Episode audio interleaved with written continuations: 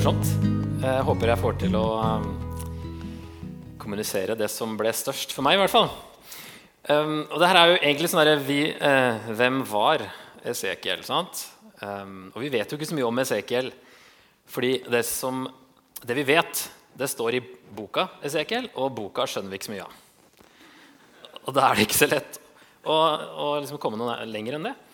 Det er den fjerde lengste boka i Bibelen. Det er ikke sikkert alle har lest den engang. Når det gjelder antall ord, så er den fjerd lengst. Det tar ja, ca. fire timer å lese. Så det er ikke noe man setter seg ned med liksom, Det er ikke noen sånn lavterskelbok. I tillegg så er den vanskelig. Og Begynnelsen og slutten spesielt er så vanskelig at eh, jødene studerte ikke den her før de var 30 år begynnelsen og slutten. Det var, liksom sånn, det var for de veldig avanserte. Eh, og det var nok kanskje fordi det var en sånn vandrehistorie om en eh, gutt som hadde plukka opp eh, boka Esekiel og lest, og så hadde han tilfeldigvis funnet ut av et veldig sånn omdiskutert ord i første kapittelet som beskriver liksom hva Gud sjøl består av. Og i samme sekund ble den fortært av ild. Og hvis du er ny her, så tror ikke vi at det faktisk skjedde. Det er nok en legende. Vi tror ikke, har ingen grunn til å tro at Gud eh, tar livet av folk som vil studere Bibelen. Og så var det også en, en, historie med en rabbiner som eh, skulle finne ut av de siste kapitlene, de ni siste kapitlene. Og han skulle, han skulle eh, virkelig gå inn for det her, så han eh, låste seg inne på loftet sitt. Med, og det sies at han eh, brukte opp 300 oljetønner til lampa si. for han satt der så lenge. Han fant visst ut av det, men eh, det han skrev, er jo selvfølgelig blitt borte. da, Så da er vi ikke kommet noe lenger.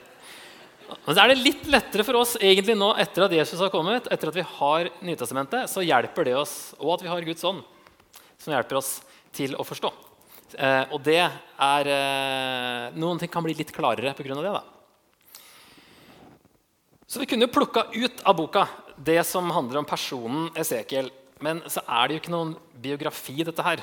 Um, det er ikke personen Esekiel som er poenget. Og, altså, det vi vet om han, er at han gjør masse rare ting. Det er stort sett det. Men alt det rare han gjør, det har med budskapet å gjøre. Så Poenget er jo ikke at han gjorde mye rart, men poenget er jo hva Gud ville si med disse rare tingene. Så jeg, jeg jeg tror ikke vi bør skille personen Esekiel ut av boka Esekiel. Jeg tror vi kan gjøre begge deler, men det er jo et kunststykke som jeg skal prøve på i kveld. Da. Men det er liksom budskapet i boka som er det Gud ga oss, som eh, vi må ta med det. Det vi faktisk vet om Esekiel, da, er at han er flink til å datere. For han eh, daterer ting utover boka når det skjedde. Så vi vet at vi er på 500-tallet før Kristus. Og de er i, eh, i Babylon, Esekiel og den første, eller 10 000 ca eh, israelitter som hadde blitt eh, tatt dit av babylonerne fem år før. Eh, det var Kongen var der, og eh, lederne og liksom det høyere sosiale lag. Eh, pluss alle skattene fra tempelet. De hadde brutt av alt gullet fra tempelet. og tatt med seg og sånne ting. Og det, det vil jo liksom si at Gud tapte. At uh, babylonske gudene var sterkere. Det var sånn man tenkte. Men så er fortsatt folk igjen i Jerusalem. og det her skjer, uh, det, Boka åpner da seks år før den store katastrofen inntreffer. og det er at Tempelet i Jerusalem blir ødelagt. For Babylonerne kommer tilbake, ødelegger tempelet og tar med seg enda flere folk. Det har ikke skjedd ennå. Men de som er i Babylon allerede, de er jo litt fortvila. Lurte på hvorfor det her hadde skjedd. De hadde ikke skjønt helt det. mange av dem i hvert fall. Hvor var Gud oppi alt dette her? Hvorfor hadde ikke han beskytta folket sitt og landet sitt og ikke minst tempelet sitt? Hadde Gud tapt for de babylonske gudene? Men jeg tror det var to ting som eh, de ikke skjønte, som gjorde at de var forvirra. Og det var, De skjønte ikke at de var der fordi de hadde synda, og de hadde synda skikkelig. Og så skjønte de ikke at Guds plan var større enn dem selv. Boka åpner med å fortelle om at uh, Esekiel da, et par ting til som vi kan vite om personen, er at han var av presteslekt, og at han var 30 år gammel når boka åpner. Og da var det jo egentlig, når man ble 30 år og var av presteslekt, det var da man skulle begynne å jobbe som prest. Og Esekiel han uh, tenkte sikkert litt på det. da, at eh, Hadde han ikke vært i Babylon, så hadde han kunnet jobba i tempelet i Jerusalem og liksom jobba med der Gud bor. liksom Selve Guds bolig på jorda. Det har han sikkert gleda seg til. Så det er sikkert litt skuff å være i Babylon i stedet, som var liksom det mest gudløse stedet på jorda eh, på den tida. Og eh, Så åpner det med at han får en visjon. da, Og det begynner jo stort. Han får en, et mektig syn av en stormvind som kommer med ild. Og det er lysglans rundt, og det er blinking i midten. Fire merkelige skapninger som ser ut som eh, fakler, og som også ser ut som lynet. Han prøver å beskrive det her så godt han kan. Lyden som fra en kjempefoss. Og han ser en trone, og han ser en som sitter på tronen. Og det er jo sånn Wow! Han faller til jorda, og det skjønner jeg godt. Så han ser Gud, han ser Guds herlighet kommer til Babylon. Men hva i all verden gjør Gud i Babylon? Han skal jo være i tempelet i Jerusalem. Hvorfor er han ikke der? Det er mange snodige detaljer i denne eh, første visjonen. Noe av det viktigste er at han ser at eh, Guds trone har hjul. Og han har, de hjula har hjul inni hjul. Sånn, litt sånn eh, Jeg tror det betyr at den kan rulle, og den kan rulle i hvilken som helst retning. At Gud, Guds trone er mobil. Han sitter ikke fast i tempelet i Jerusalem. Han kan flytte seg akkurat hvor han vil. Så nå har han kommet til Babylon, der hans folk er. Så i stedet for at Esekiel skulle vært i Jerusalem, så kommer Gud til Babylon i stedet. Så det er jo vinn-vinn. Det, det, er også en god grunn til at Gud ikke er i tempelet i Jerusalem. og det får Esekiel se litt senere. Så i stedet for å bli prest, så blir han profet. Er det litt kulere å bli profet enn prest? Få se hva dere syns etterpå. Folket beskrives som trassige 18 ganger i denne boka. her. De er skikkelig trassige. De har steinansikter og harde hjerter. og sånne ting, sier Gud. De synder alltid mot meg, hører aldri på meg. De sendes Esekiel til. da.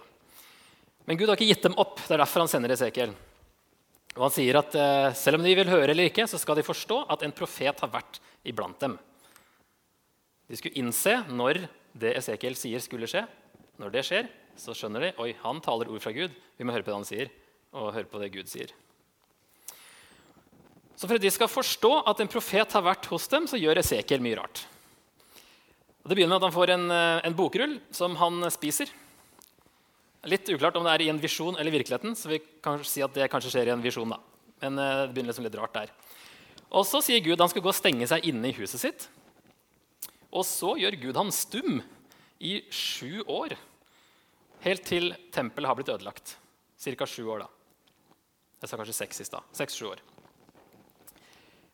Så da kan jo han bare snakke når Gud snakker.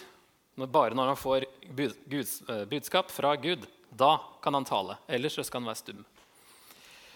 Og så tar det jo veldig av med rare ting han må gjøre. da, Men som sagt, alt hadde symbolsk betydning. Uh, Gud bruker tydeligvis både ord og bilder. Det tenkte jeg også å gjøre. da. Skal ha ord her og bilder der. Så slipper jeg å liksom gjøre det samme som Esekiel. Jeg vurderte faktisk det, om jeg skulle dramatisere det her. men... Uh, det hadde blitt veldig mye props å ta med. ja, Kanskje neste gang. Men eh, han driver litt sånn gateteater i Babylon her, da.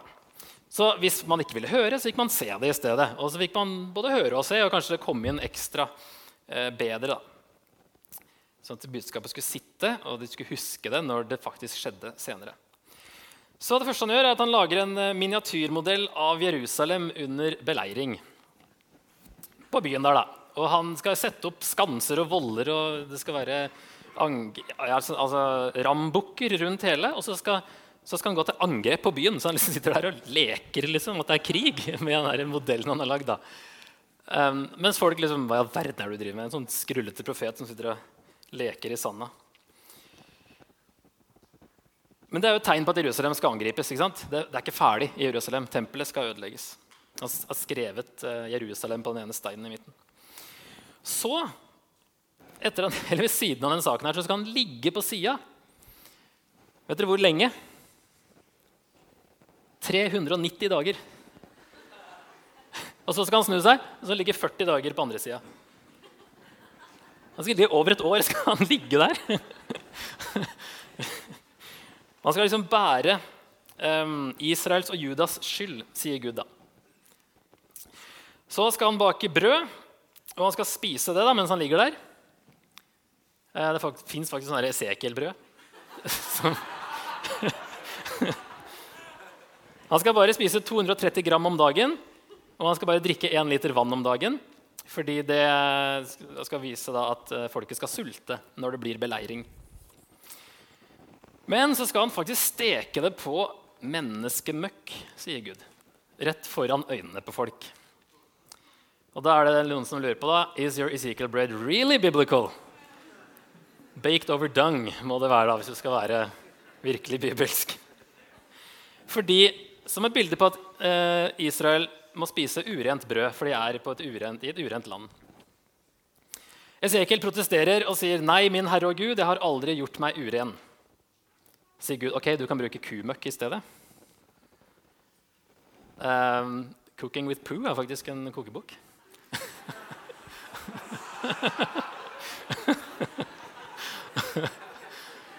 Og den, her, den her dealen, altså Man får kumøkk i stedet, som mener at dette er en worst trade deal in the history of trade deals maybe ever.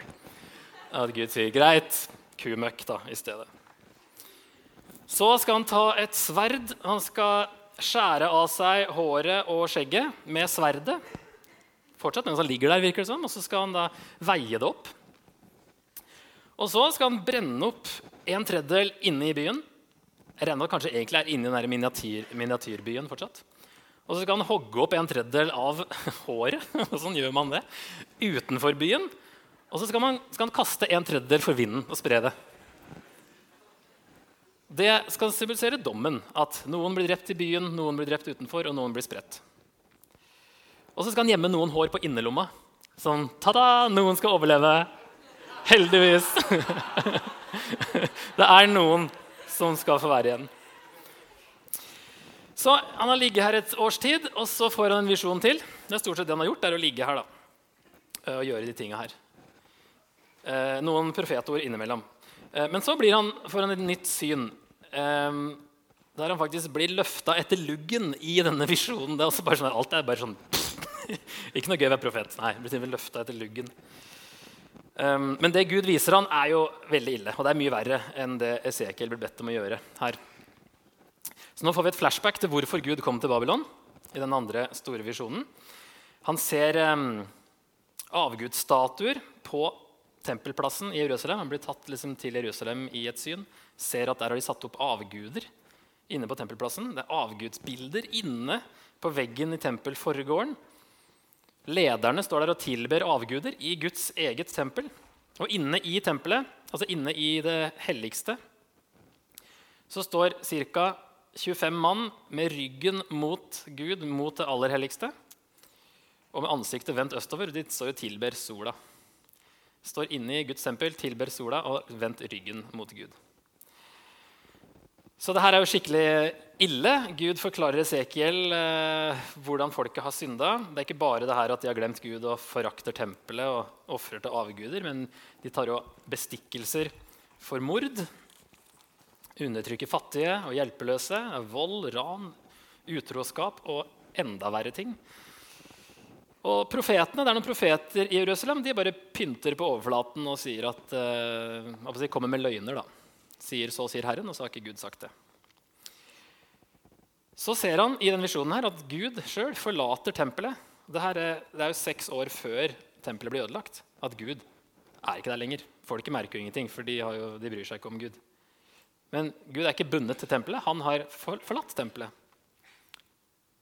Flytter seg ut av tempelet, drar østover og drar til Babylon. Til folket som er der, som er det folket som skal være folket etter eksilet i Babylon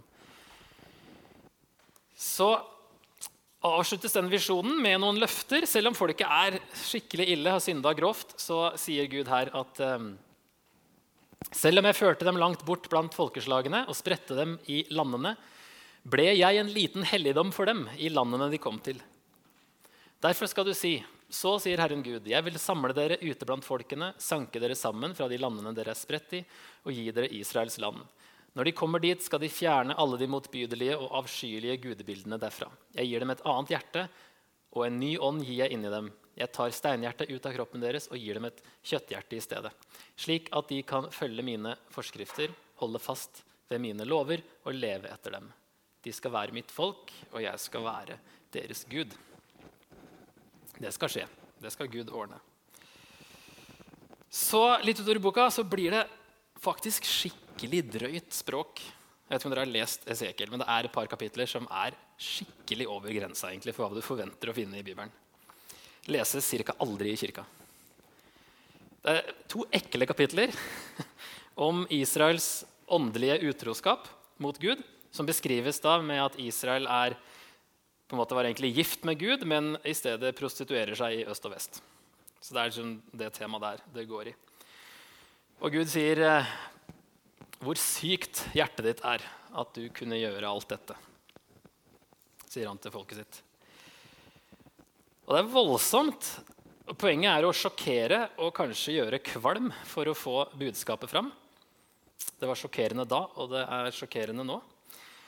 Jeg tror bare det er for å få fram hvor motbydelig synd egentlig er for Gud. Og spesielt sånn åndelig utroskap mot han som redda dem, og som de hadde en pakt med, som de ikke brydde seg noe om.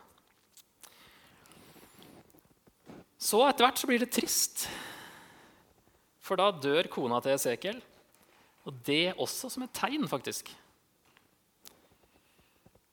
Eh, Gud sier at det som gir øynene glede for Esekiel, kona hans, det skal være et bilde på at det som gir øynene glede for folket, tempelet, at det skal ødelegges. Så hun blir et tegn på det. Og så får ikke Esekiel lov til å felle en tåre. Fordi tempelets ødeleggelse skulle heller ikke folket sørge over, for det var en rettferdig dom over synden deres. Det er hardt å være profet. Det er hardt å tale Guds sak. Men det her var tydeligvis viktig nok til at Gud illustrerte det på den måten her og brukte faktisk så eksempler som det her. Da. Egentlig er det et privilegium for profetene å stå så nær Gud og bidra med hele sitt liv på den måten.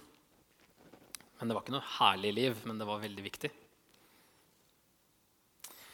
Så når vi kommer en tredjedel ut, nei, to tredjedeler ut i boka, så blir tempelet ødelagt, og resten av folket da ankommer Babylon. Um, men de to tredjedelene eh, slutt, avsluttes med at Gud sier at folket må ta personlig ansvar for synden sin. De må skjønne at de har synda, og de må omvende seg. Så er ikke Esekiel stum lenger, for nå er tempelet blitt ødelagt. Og fra nå av så kommer det da budskap om håp og framtiden. Hvor, hvor lys den kan bli hvis de omvender seg. Da skal de få komme tilbake til landet, de skal få bygge opp igjen byene. De skal bli rensa, få et nytt hjerte, Guds ånd i seg, som vi så. Og de skal igjen leve etter Guds vilje. Så kommer vi til kapittel 37, som er kanskje det mest kjente. men det er dalen med de døde beina. Eh, der han ser det lå en stor mengde knokler utover dalen, og de var helt tørre. Og så står det litt senere Så sa han til meg, menneske, disse knoklene er hele Israels folk. Hør hva de sier. Våre knokler er tørket inn, vårt håp er knust det er ute med oss. Det er nok sånn de føler seg i Babylon. At her er vi i fangenskap, og Gud har glemt oss. eller et eller annet. Gud har tapt. Det er ute med oss. Men eh, det er ikke det. Gud viser Esekiel at han, eh, i denne visjonen så gir Gud alle disse knoklene liv. Blåser liv inn i dem. De blir levende, og de blir til en umåtelig stor hær, sier Esekiel.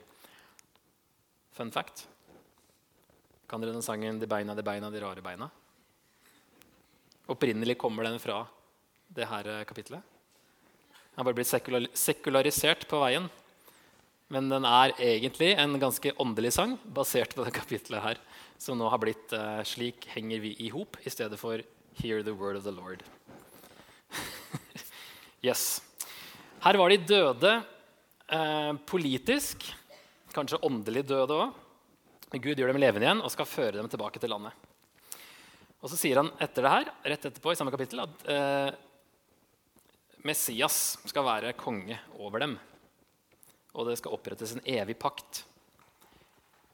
Så han gjør dem levende igjen, får dem tilbake til landet, slik at Messias kan komme og den nye pakt kan opprettes. Det er det som er egentlig grunnen til at de må omvende seg, komme tilbake, fordi Guds plan må gå videre, sånn at Messias kan komme fra Israel. Så avsluttes kapitlet med at Gud sier at folkeslagene skal kjenne at jeg er Herren som gjør Israel hellig, når min helligdom er hos dem for alltid. Helligdommen i Jerusalem, tempelet, var jo rasert, men en dag så skal Gud bo blant dem for alltid, sier han. Et stort håp for framtida som eh, gir perspektiv og hensikt til oppgaven som de hadde som folk. Det blir jo fullstendig oppfylt når Jesus kommer tilbake og Gud skal bo blant sitt folk for alltid. sånn som Johans åpenbaring slutter med. Så når det gjelder Guds store plan, så er vi nå et sted i kapittel 37, tror jeg. Boka fortsetter med det som fortsatt er framtid, sånn som jeg forstår det. i hvert fall. Så Esekiel har nå sett fram til vår tid så langt. Så blir det et par merkelige kapitler etter det her. En uh, krig som beskrives uh, på en litt sånn uh, speisa måte. jeg tror egentlig det bare betyr dommen når Jesus kommer tilbake og skal gjøre slutt på all ondskap. Og så, etter at han har sett at de er tilbake i landet igjen, og litt sånn fast forward til at Jesus kommer, får et nytt hjerte, Guds ånd i seg, og så at Gud gjør ende på all ondskap, så får han siste, de siste ni kapitlene, som kommer som én stor visjon. Den andre tempelvisjonen. Den er lang og teknisk og detaljert, så vi syns den er litt kjedelig, og vi detter av. Lurer på hva i all verden er poenget med det her. Og det, som sagt, han som satt oppe og brente 300 tønner, han, han fant ut av det. og hvordan det hang sammen med teltet i Mosebøkene osv. Men eh, det er jo nesten 20% av boka, så det er jo tydeligvis viktig. Gud vil få gjennom poenget at han har noe stort i framtida for dem. Han mener alvor, så han beskriver i detalj hvordan det skal bli. Dette tempelet og en by som han beskriver der. At han igjen vil bo blant dem. Og Det er eh, forskjellige måter man forstår det her på. Jeg tror i grunnen at det her òg handler om Jesus. Det siste. Det er liksom safe tolkning uansett. at det handler om Jesus. Eh, at Den første visjonen handla om det fysiske tempelet i Jerusalem. Og den andre visjonen handler om det åndelige tempelet. Det nye Jerusalem, som det kalles i Johans åpenbaring. Som også henter ting herfra. på slutten av Johans åpenbaring. Så det peker jo fram mot det endelige målet, at Gud skal bo blant sitt folk. Men fortsatt handler det om at de må omvende seg. Du menneske, fortell Israels hus om tempelet, så de kan skamme seg over sin synd. De skal måle opp grunnflaten. Og hvis de skammer seg over alt de har gjort, skal du gjøre dem kjent med tempelets form og grunnplan, utganger og innganger og alle forskriftene og lovene for det. Hvis de skammer seg. De må omvende seg for at eh, de skal komme inn igjen i Guds plan, og Guds plan skal gå videre.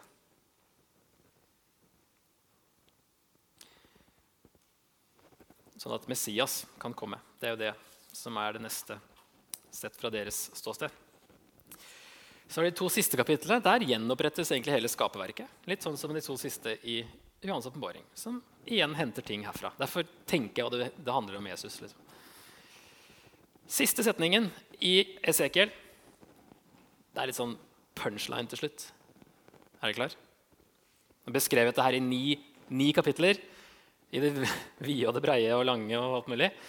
Eh, masse detaljer, men så kommer det siste, siste setningen. Byens navn skal fra denne dag være 'Herren er der'. Det er poenget. Gud bor der. Folk skal være sammen med Gud igjen. Selv om de var eh, fanga i en annen by, og deres si, Guds jordiske by, Jerusalem, var ødelagt den, Nå har vi kommet så langt. Så skal den virkelige byen, den åndelige byen, som består av alle som tror. Den skal, den skal bli en realitet. Men for å komme dit så må de altså innse hvorfor de er i Babylon, og komme tilbake til Gud. Og det er en setning som går igjen gjennom boka igjen og igjen. Og igjen, og det er Da skal de kjenne at jeg er Herren. 66 ganger sier Gud det i Esekiel. Da skal de kjenne at jeg er Herren. Det er poenget. De skal kjenne. Og det, På hebraisk så er det sånn kjenne. Det er både ja, Engelsk dekker kanskje begge. da, To know. Du kan know med huet, og du kan know a person. Så det er liksom både å vite og kjenne. Erfare at jeg er Herren. Gjennom alt det Gud gjør her, all, eh, all dommen som skjer, og løftene om håp, så, så, skal de kjenne at jeg er Herren. De, det er ikke nok å bare bli straffa, de må innse hvorfor. Innse at han er Herren, og at de må tilbake til han. Så Det var som sagt den første tingen de måtte skjønne, at det var pga. synd at de var der. De måtte ta personlig ansvar for den, og så måtte de omvende seg. Den andre tingen som jeg nevnte i starten, var at de ikke skjønte at Guds plan var større enn dem. Israel var utvalgt for at Jesus skulle komme fra dem. Og de måtte bli rensa med denne straffen her, tydeligvis, for de var jo veldig ute av kurs. Så når de omvender seg, kommer tilbake, så kan Jesus komme. Så Guds plan er større enn dem. Så det som skjer i Esekiel, det har jo i høyeste grad med oss å gjøre, for det handler jo om Jesus. Og tenk på det. Kanskje du sitter her i dag fordi Esekiel gjorde de rare tingene han gjorde. Sånn at folket skjønte det, omvendte seg, kom tilbake, og Messias kunne komme. Og du fikk høre om han. En profet er jo I ordboka, hvis du slår opp profet, så er det en som eh, forteller hva som skal skje i framtida. Men i Bibelen så er det egentlig ikke det. Det er en som eh, kaller folk tilbake til Gud. Tilbake til Guds vilje, tilbake til Guds plan. Vi snakker jo litt om framtida, som vi ser her, men det er egentlig ikke det som er hovedpoenget. Og tilbake til hans vilje, det handler jo om synd. Og det, det slo meg litt, spesielt i de her Ja, for det første, det er en lang bok med masse advarsler. Og jeg tenkte sånn at, at du gidder, Gud. At du, hellig og transcendent, for å bruke et stort ord, utafor alt det skapte, at han gidder å kommunisere så mye. Bruke så mange ord og lage en så lang bok. Så Gud er virkelig opptatt av kommunikasjon, og at han får Esekiel til å gjøre de rare tingene i tillegg. Så han ønsker jo med alt det her at folk skal omvende seg. Så ikke bare har han mye å si, men han bruker også ganske kraftige virkemidler i denne boka. her. Det er drøyt språk. Kona til Esekiel dør. Det er voldsomme ting. Men det tyder på at Gud tok det ganske alvorlig. Og som sagt, at de her verste kapitlene det handler om at vi må se hvor ekkelt Gud synes synd er. Og Spesielt åndelig utroskap mot han som redda dem, og som de hadde en pakt med. Og vi har jo også en pakt med han. Og jeg tror det er lurt å stoppe opp litt av og til da, og sjekke oss sjøl litt om det er noe som trenger litt justering. Altså, Synden vår er jo oppgjort. Jesus har jo ordna opp det. Men så er det jo likevel ikke meninga vi skal fortsette å synde. Det er jo egentlig helt baklengs å fortsette å synde når Jesus har gjort opp for synden. Så vi må jo innrømme hva som er synd nå. Tenker i hvert fall litt på det, at Stoppe opp litt, tenk litt ekstra vet ikke jeg, Tenk to ganger noen ganger. Um, ikke prøv bare å glatte over ting. Fordi synd er uh, destruktivt, og det ødelegger oss. Og motbydelig for Gud. Så vi må holde oss unna det vi egentlig vet ikke er bra for oss. Jesus også sa jo at hvis øyet frister deg, så riv det ut, f.eks. Jesus òg tok synd veldig seriøst.